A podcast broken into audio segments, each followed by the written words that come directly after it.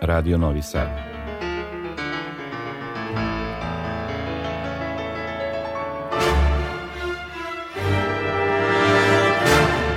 Domaća muzička scena.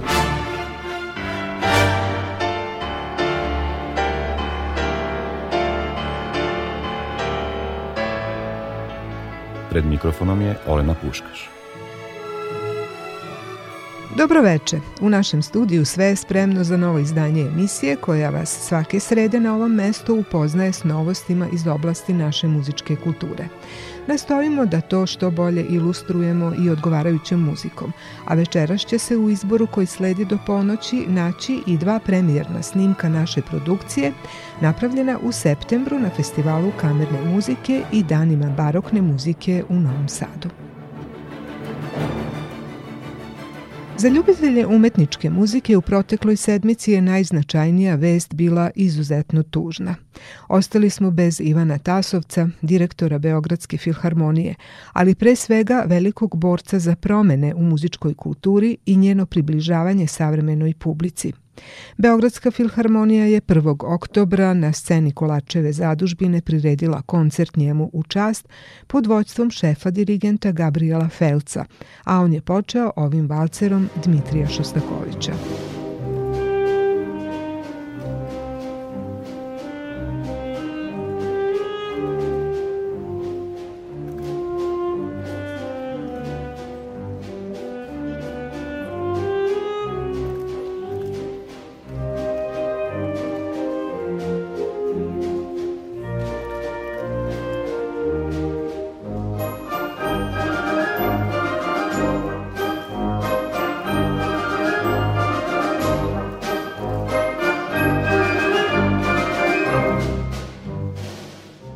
Umesto minuta ćutanja, članovi Beogradske filharmonije i šef dirigent Gabriel Felc su 1. oktobra u čast svom tasi poklonili ono što je najviše voleo, a to je muzika. Program je sadržao dela Dmitrija Šostakovića, a kako su u oproštajnom pismu napisali muzičari i članovi njegovog tima, njemu će posvetiti i svaki naredni koncert, a neće odustati ni od njegovog sna o novoj zgradi. Ekscentričan i u izgledu i u ponašanju, za sebe je rekao da uvek čvrsto stoji s nogama u vazduhu. S takvim stavom, neverovatnom tvrdoglavošću i upornošću koje su neki nazvali bezobrazlukom, on je uspevao da ostvari i ono što je svima izgledalo nemoguće. Od 2001. kada je postao direktor Beogradske filharmonije, u narednih deseta godina uspeo je da sprovede korenite promene, počev od načina prijema novih članova, obnove instrumenta iz zgrade u kojoj rade, pa sve do načina promocije njihovih koncerata koji su sadržali cikluse namenjene svim uzrastima i ukusima publike. Od onih najmlađih kojima su poklanjali posebnu pažnju, preko početnika u poznavanju klasike i onih koji imaju različite afinitete, do najzahtevnijih sladokusaca i vrsnih poznavalaca simfonijske muzike. Tasovac je od 34 pretplatnika, koliko ih je bilo 2001. uspeo da taj broj poveća na više hiljada stalnih kupaca godišnjih abonmana. 2014. ostvario je američku turneju, a lucidnim reklamnim kampanjama i najavama svake sezone skrenuo je pažnju najšire javnosti na ono što rade – To je obezbedio privlačenjem sponzora na svoj jedinstven, šarmantan i ubedljiv način, tvrdeći da će pravi kvalitet privući publiku, ali i da umetnička muzika ne treba da bude muzejski eksponat koji stoji i čeka da neko dođe da ga vidi, već mora da prati tokove i senzibilitet novih slušalaca. Pod njegovim voćstvom pokrenute su mnoge aktivnosti van koncertne sale kao što su koncerti za bebe, novogodišnje muzičke priče, nastupi na ulici, piknik na ušću, saradnja sa tehnomuzičarima, izvođenje disko hitova u simfo aranžmanu i slično. A među solistima i dirigentima bilo je puno sjajnih svetskih zvezda, među kojima su Zubin Mehta, Denis Macujev, Julian Rahlin, Daniel Rajskin, Martin Frost i mnogi drugi. To sve potvrđuje da je Beogradska filharmonija na čelu s Tasovcem postala moderna muzička institucija najvišeg svetskog ranga. Iz repertoara ostvarenog u Tasovčevo doba večeras izdvajam jednu tačku izvedenu svojevremeno u ciklusu Bizarte pod upravom Danijela Rajskina. Koncert za orkestar Bezobrazni stihovi Rodiona Ščedrina.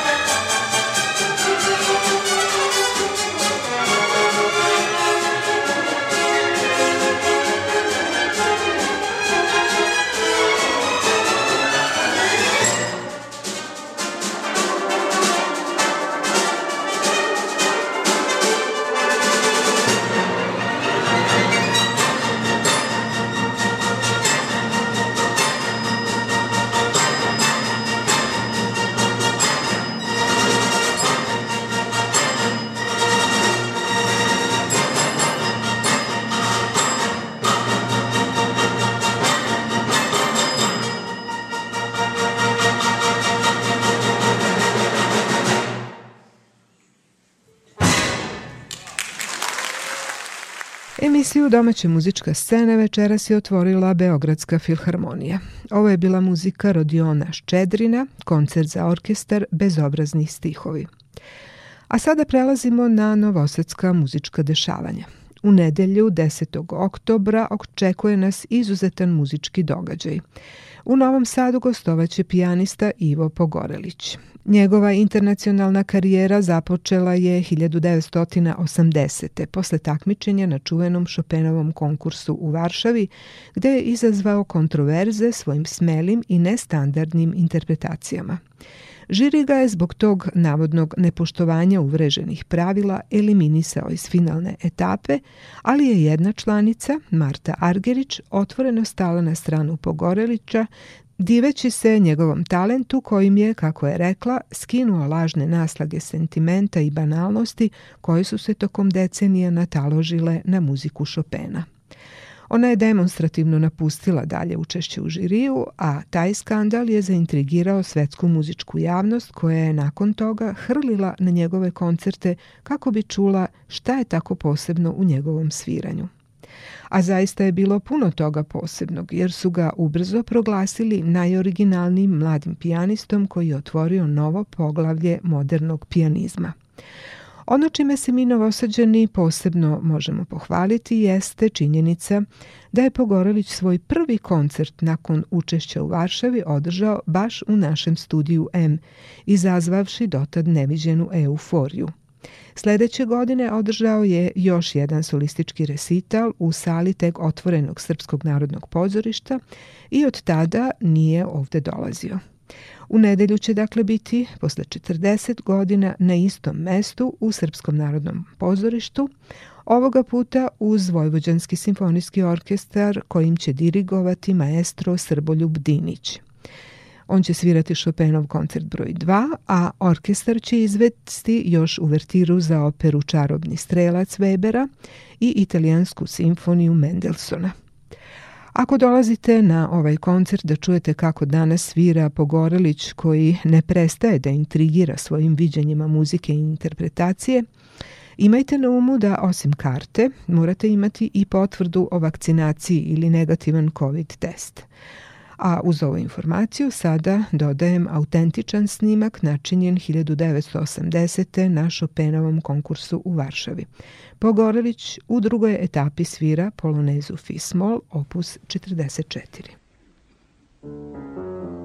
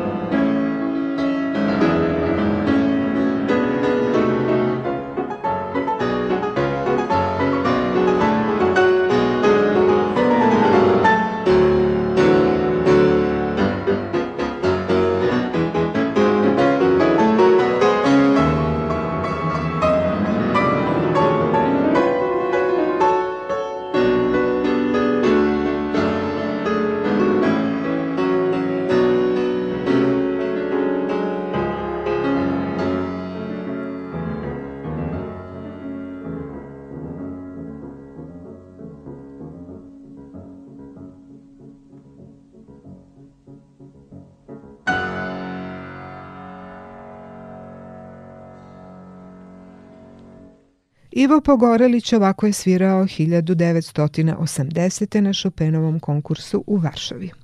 Samo nekoliko meseci posle toga isti program izveo je u studiju M u Novom Sadu. A posle 40 godina Novosađane ponovo očekuje susret s njim. U nedelju 10. oktobra nastupit će uz Vojvođanski simfonijski orkestar pod upravom Srboljuba Dinića. I to u Chopinovom koncertu broj 2. Na talasima Radio Novog Sada u toku je emisija Domaća muzička scena.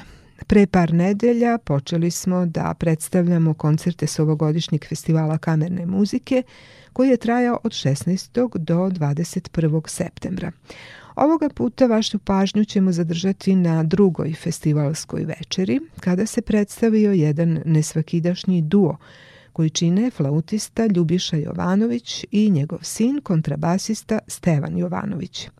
Spoj takva dva instrumenta koji predstavljaju krajnosti tonskog spektra i po visini i po vrsti zvuka vrlo je redak i zapravo tek oni su počeli da inspirišu kompozitore da pišu originalne kompozicije za flautu i kontrabas. Nešto više o tome čućemo od izvođača, ali pre toga da čujemo kako zvuči spoj njihova dva instrumenta u sonati Domenika Skarlatija.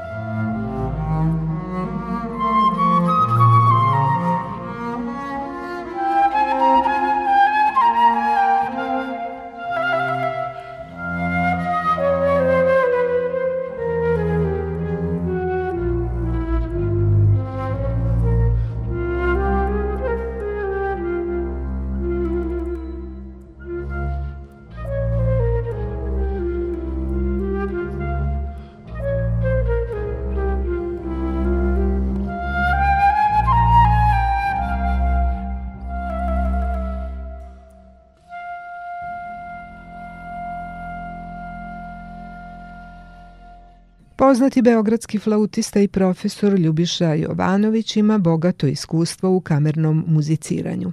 Svirao je u raznim sastavima koji su bili veoma uspešni i dugotrajni. Ali čujemo šta kaže o tome kako je počeo da svira u duu sa svojim sinom, kontrabasistom Stevanom. Kaže se da je u stvari to kućno kamerno muziciranje preteča sve muzike koja je nastala u današnje vreme. I čudno je da se u okolnostima u kojima živimo pomalo vraćamo tom starom duhu u stvari muziciranja za intimni krug ljudi, za krug ljudi koji su nam bliski, koji razumeju umetnost, koji žele da je prožive sa nama. Stevan i ja imamo prvu zajedničku turneju sada. E, pokrenuli smo sve prošle godine. E, želeli smo u stvari da krenemo i da sviramo po mestima koje su van centara. Čak je bilo planova za neke planine, pa neka manja mesta, pa želi smo da u stvari vidimo koja je reakcija ljudi uh, koji nisu čuli tu muziku. I nažalost u mnogome nas je sprečio taj COVID, ali ove godine smo u stvari produžili i sva iskustva koje imamo do sada su jako lepa. Naime, programski smo želeli da ne pravimo kompromise, da ne sviramo muziku koja je popularna, koja će lako da dođe do šireg sloja ljudi, već u stvari da, da se zadržimo na Mokrajincu, na Bahu, na Rosiniju, Mareu i da prezentujemo i naše novo stvaralaštvo.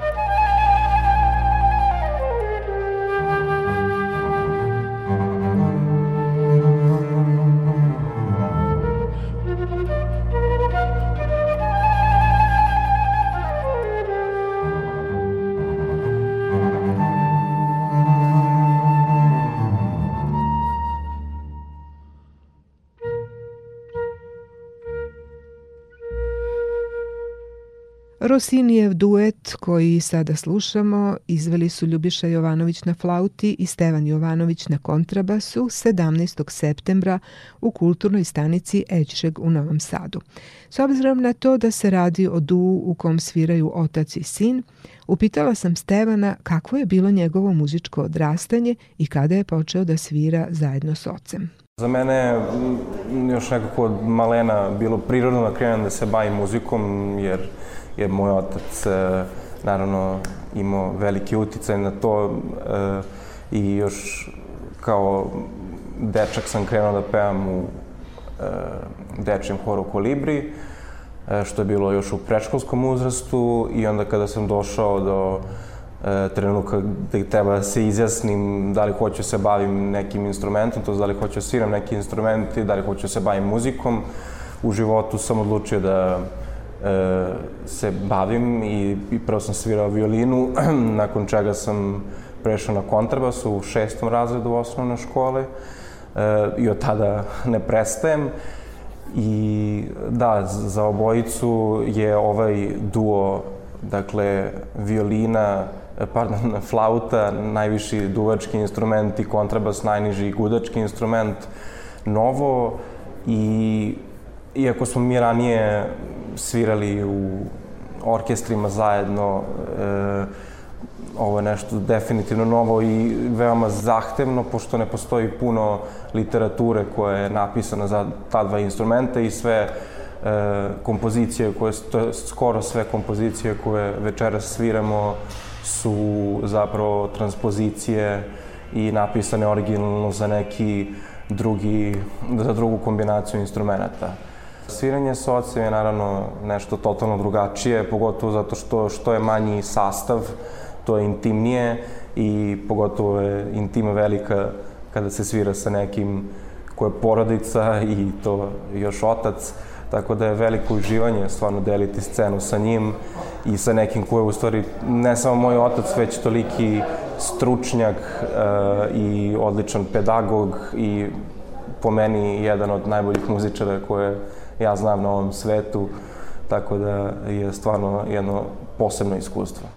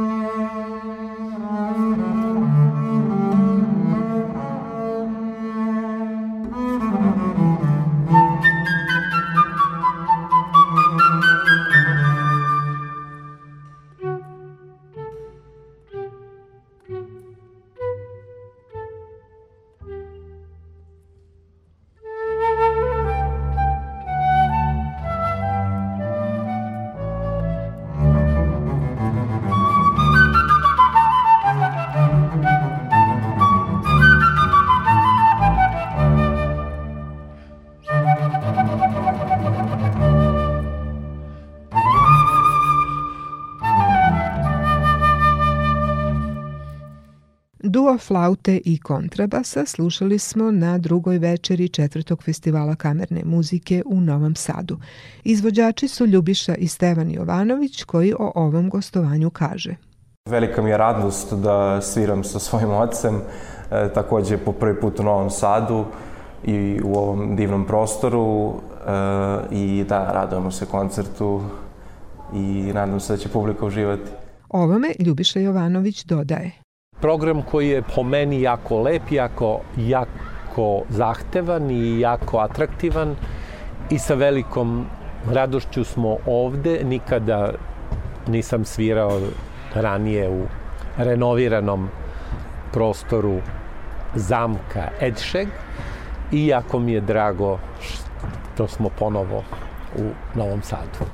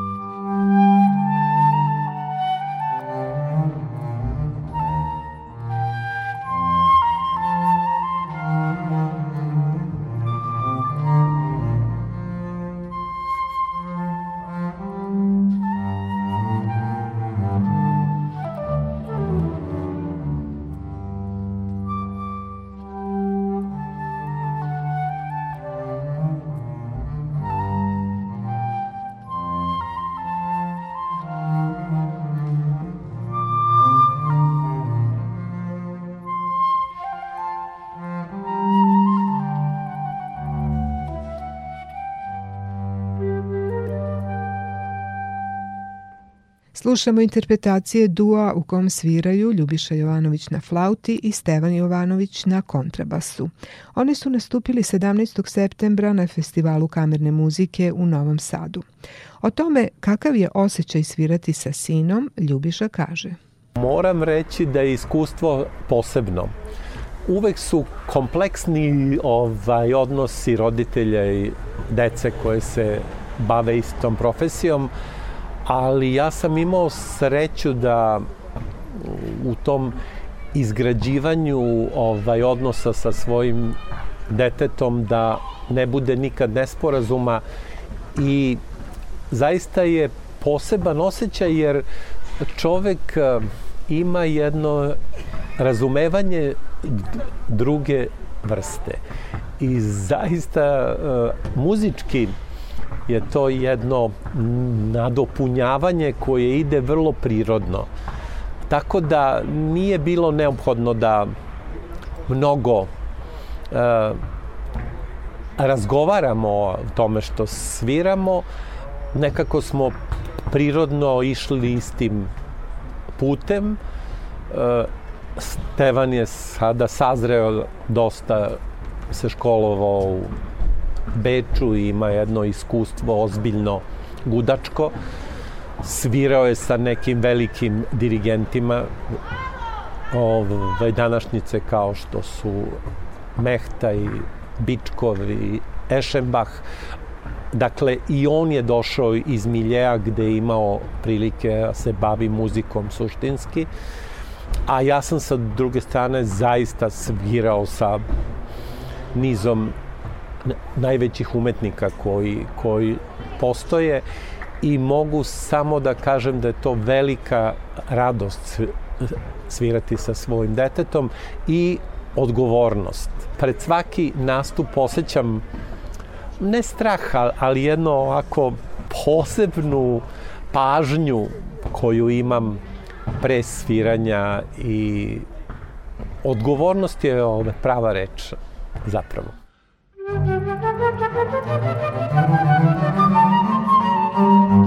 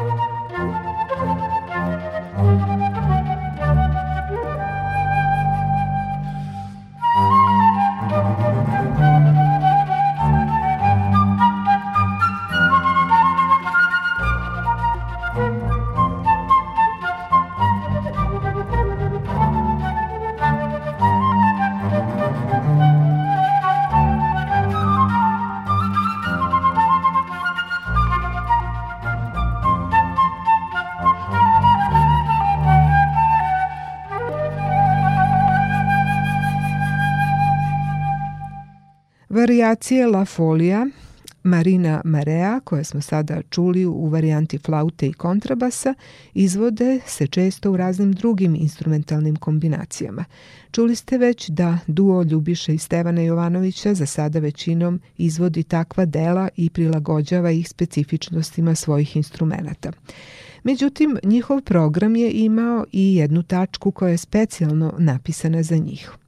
Naslov je Ovoga puta me pustite da budem srećan i predstavlja jednu intrigantnu i efektnu mini dramu koju svojim zvukovima u dijalogu pričaju dva instrumenta. Svaki od njih ima neku sobstvenu misao koju vodi, ali u isto vreme odgovara i na impulse koji stižu s druge strane, dakle bez klasične podele na vodeći i prateći instrument. O tome Stevan kaže. To je jedino delo koje sviramo da je napisano baš za flautu i kontrabas i to je napisala e, divna Ivana Stefanović e, još pre par godina za nas i ovo je zapravo tek drugi ili treći put da imamo priliku da izvodimo to delo koje je stvarno fenomenalno e, i koje, koje nam je veoma drago.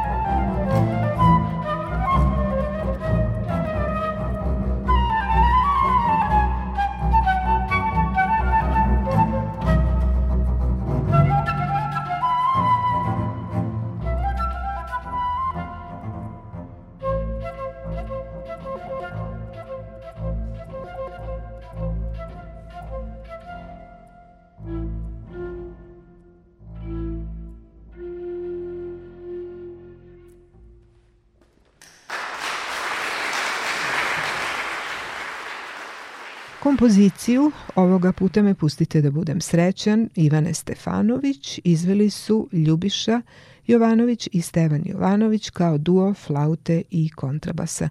Snimak je načinjen septembra 2021. u Novom Sadu na festivalu kamerne muzike. Otvaramo sada i poslednji blok emisije Domaća muzička scena.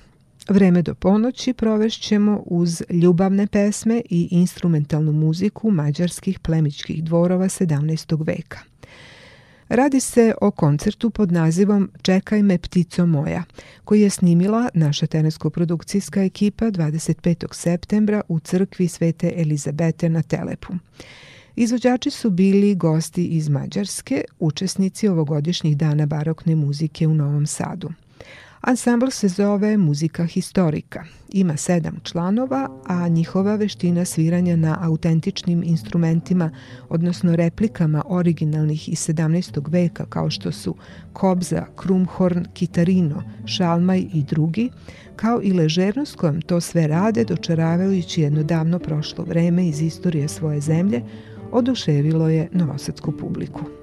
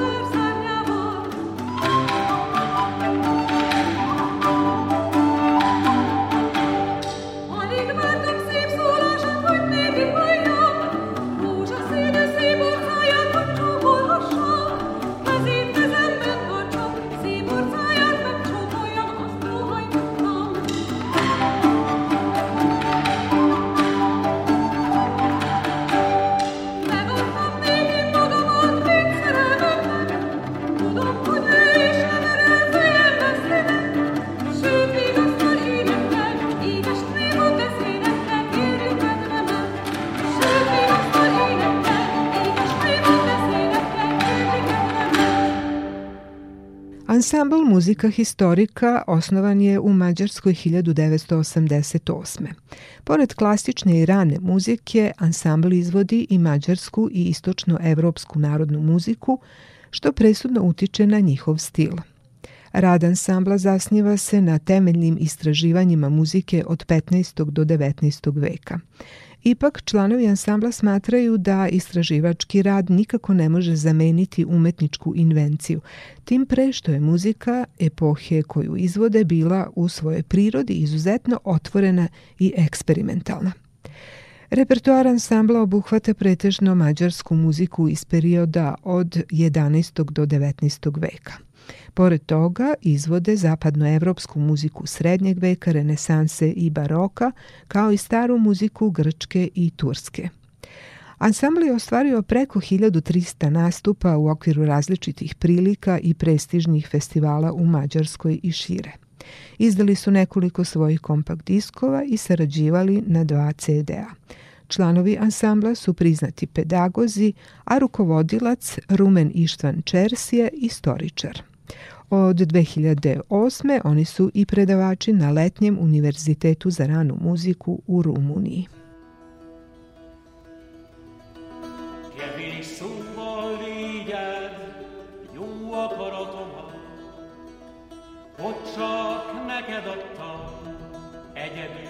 magamat.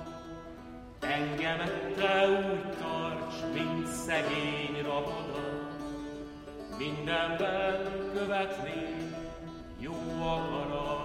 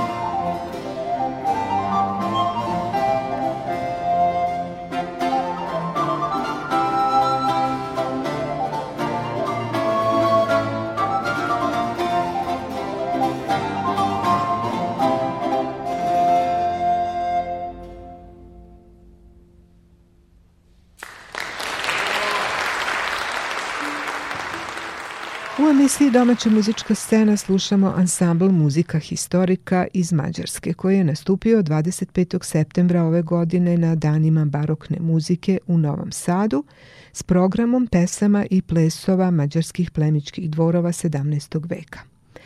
Članovi ansambla su Rumen Ištvan Čers, umetnički rukovodilac koji peva i svira lautu, kobzu, kitarino, tamburu, gajde i krumhorn. Roland Kasa je zadužen za čembalo i udaraljke. Atila Kovač za blok flautu i krumhorn. Reka Palac peva i svira blok flautu. Valerija Pribaj svira kemen i bas violu. Zoltan Seplaki peva i svira gajde, renesansnu i baroknu flautu i šalmaj, a Marton Silađi je violinista. Oni su sjajna ekipa uigranih muzičara koji dobro poznaju specifičnosti nekadašnjeg načina sviranja i pevanja do najsitnijih detalja. Ansambl muzika historika prvi put je predstavio ovaj koncert programom 2010. godine. Posle toga Deo programa ili koncert u celini izvodili su na raznim festivalima u Mađarskoj, Slovačkoj, Transilvaniji, Italiji, Turskoj i na Baltiku. CD se očekuje krajem ove godine.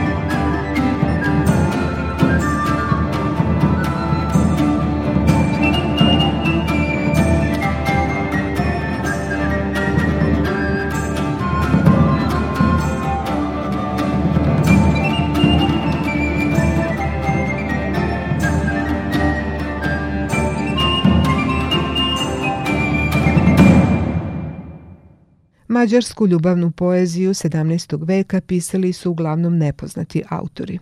U pesmama su prisutni renesansni i barokni literarni efekti, a sačuvane su kao rukopisi u zbirkama. Ove pesme bile su poznate uglavnom na plemičkim dvorovima, jer u to vreme se gotovo ništa nije štampalo, čak ni najpopularnije pesme. Tek kasnije, u 18. veku, počinje štampa u formi jeftinih pamfleta. Pesme tada zaista postaju javno dobro i deo poetske tradicije. Iako su se pesme prenosile usmeno, pa time kroz prenošenje i neprekidno menjale, njihovi tekstovi izvršili su snažan uticaj na mađarsku poeziju 18. veka kao i na folklornu tradiciju. Az erős mágneshez hasonlatos súlymú Higgyed, megkereslek, lelkem szép asszonyom Hosszú utak közt bánat fog, kárvallásokkal gyakran foszt nagy sok bujdosások.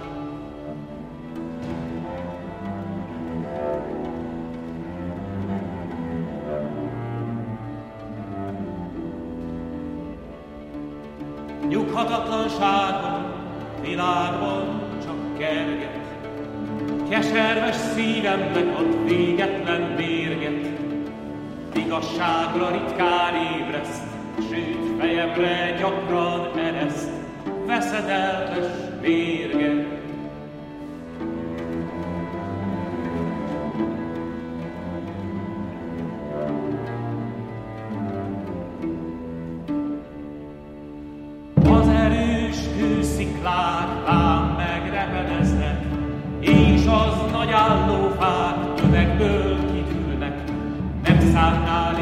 engem szíved, nemes néke rajtam szíved, ne örülj, vesztem le,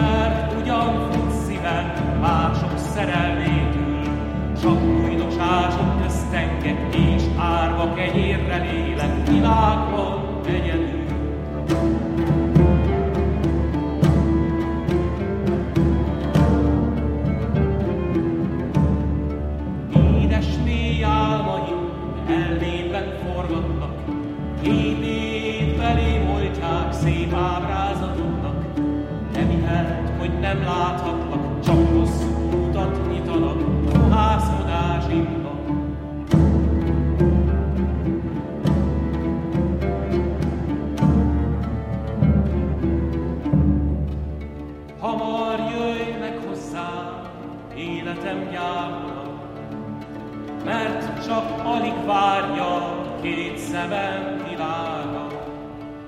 Jó hír mondó követségül így elődben négyes repül, lelkemnek postája.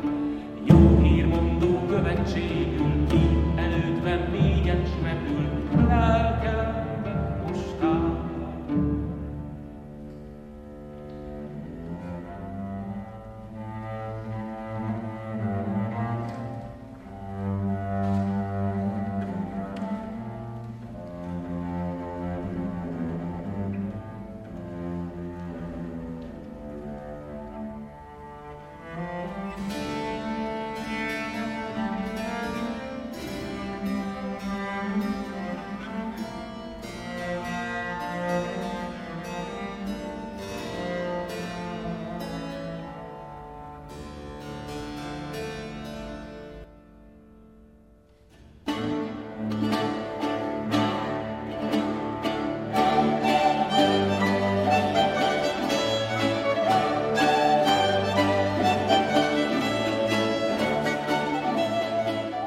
Ansambl muzika historika iz Mađarske večera svira u emisiji Domaća muzička scena. Snimak je napravljen septembra ove godine na danima barokne muzike u Novom Sadu. U pesmama koje su se izvodile na plemičkim dvorovima 17. veka u Mađarskoj, cveće je jedna od najčešćih tema, zato se mnoge od njih nazivaju pesmama cveća. Pored simbolizma koji cveće u sebi nosi, važni su i česti motivi ptica, soko, labud, crni kos, nastanak mitskih bića kao i čistoća sudbinskih pojmova, radosti, tuge, rastanka i ponovnog sretanja.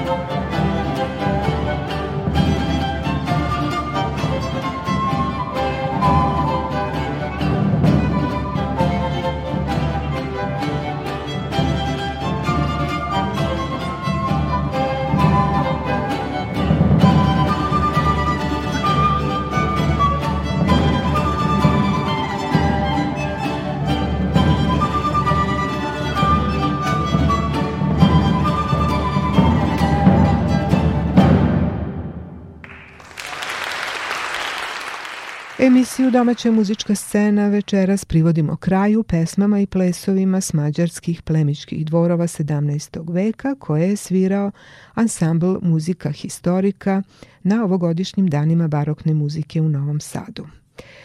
Nadam se da ste proveli prijatno veče uz nas. Ton majstor je Aleksandar Sivč, ja sam Olena Puškaš Mi vas pozdravljamo do sledeće srede kada se ponovo možemo čuti od 22 i 10. Do tada želimo vam sve najbolje.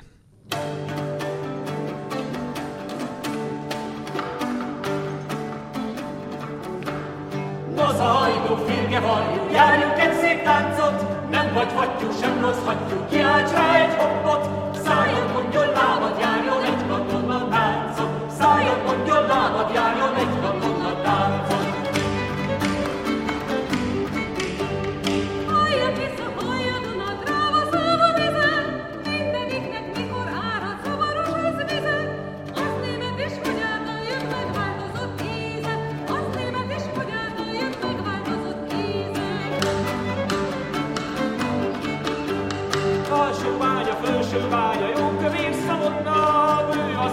Giorgio Maiottei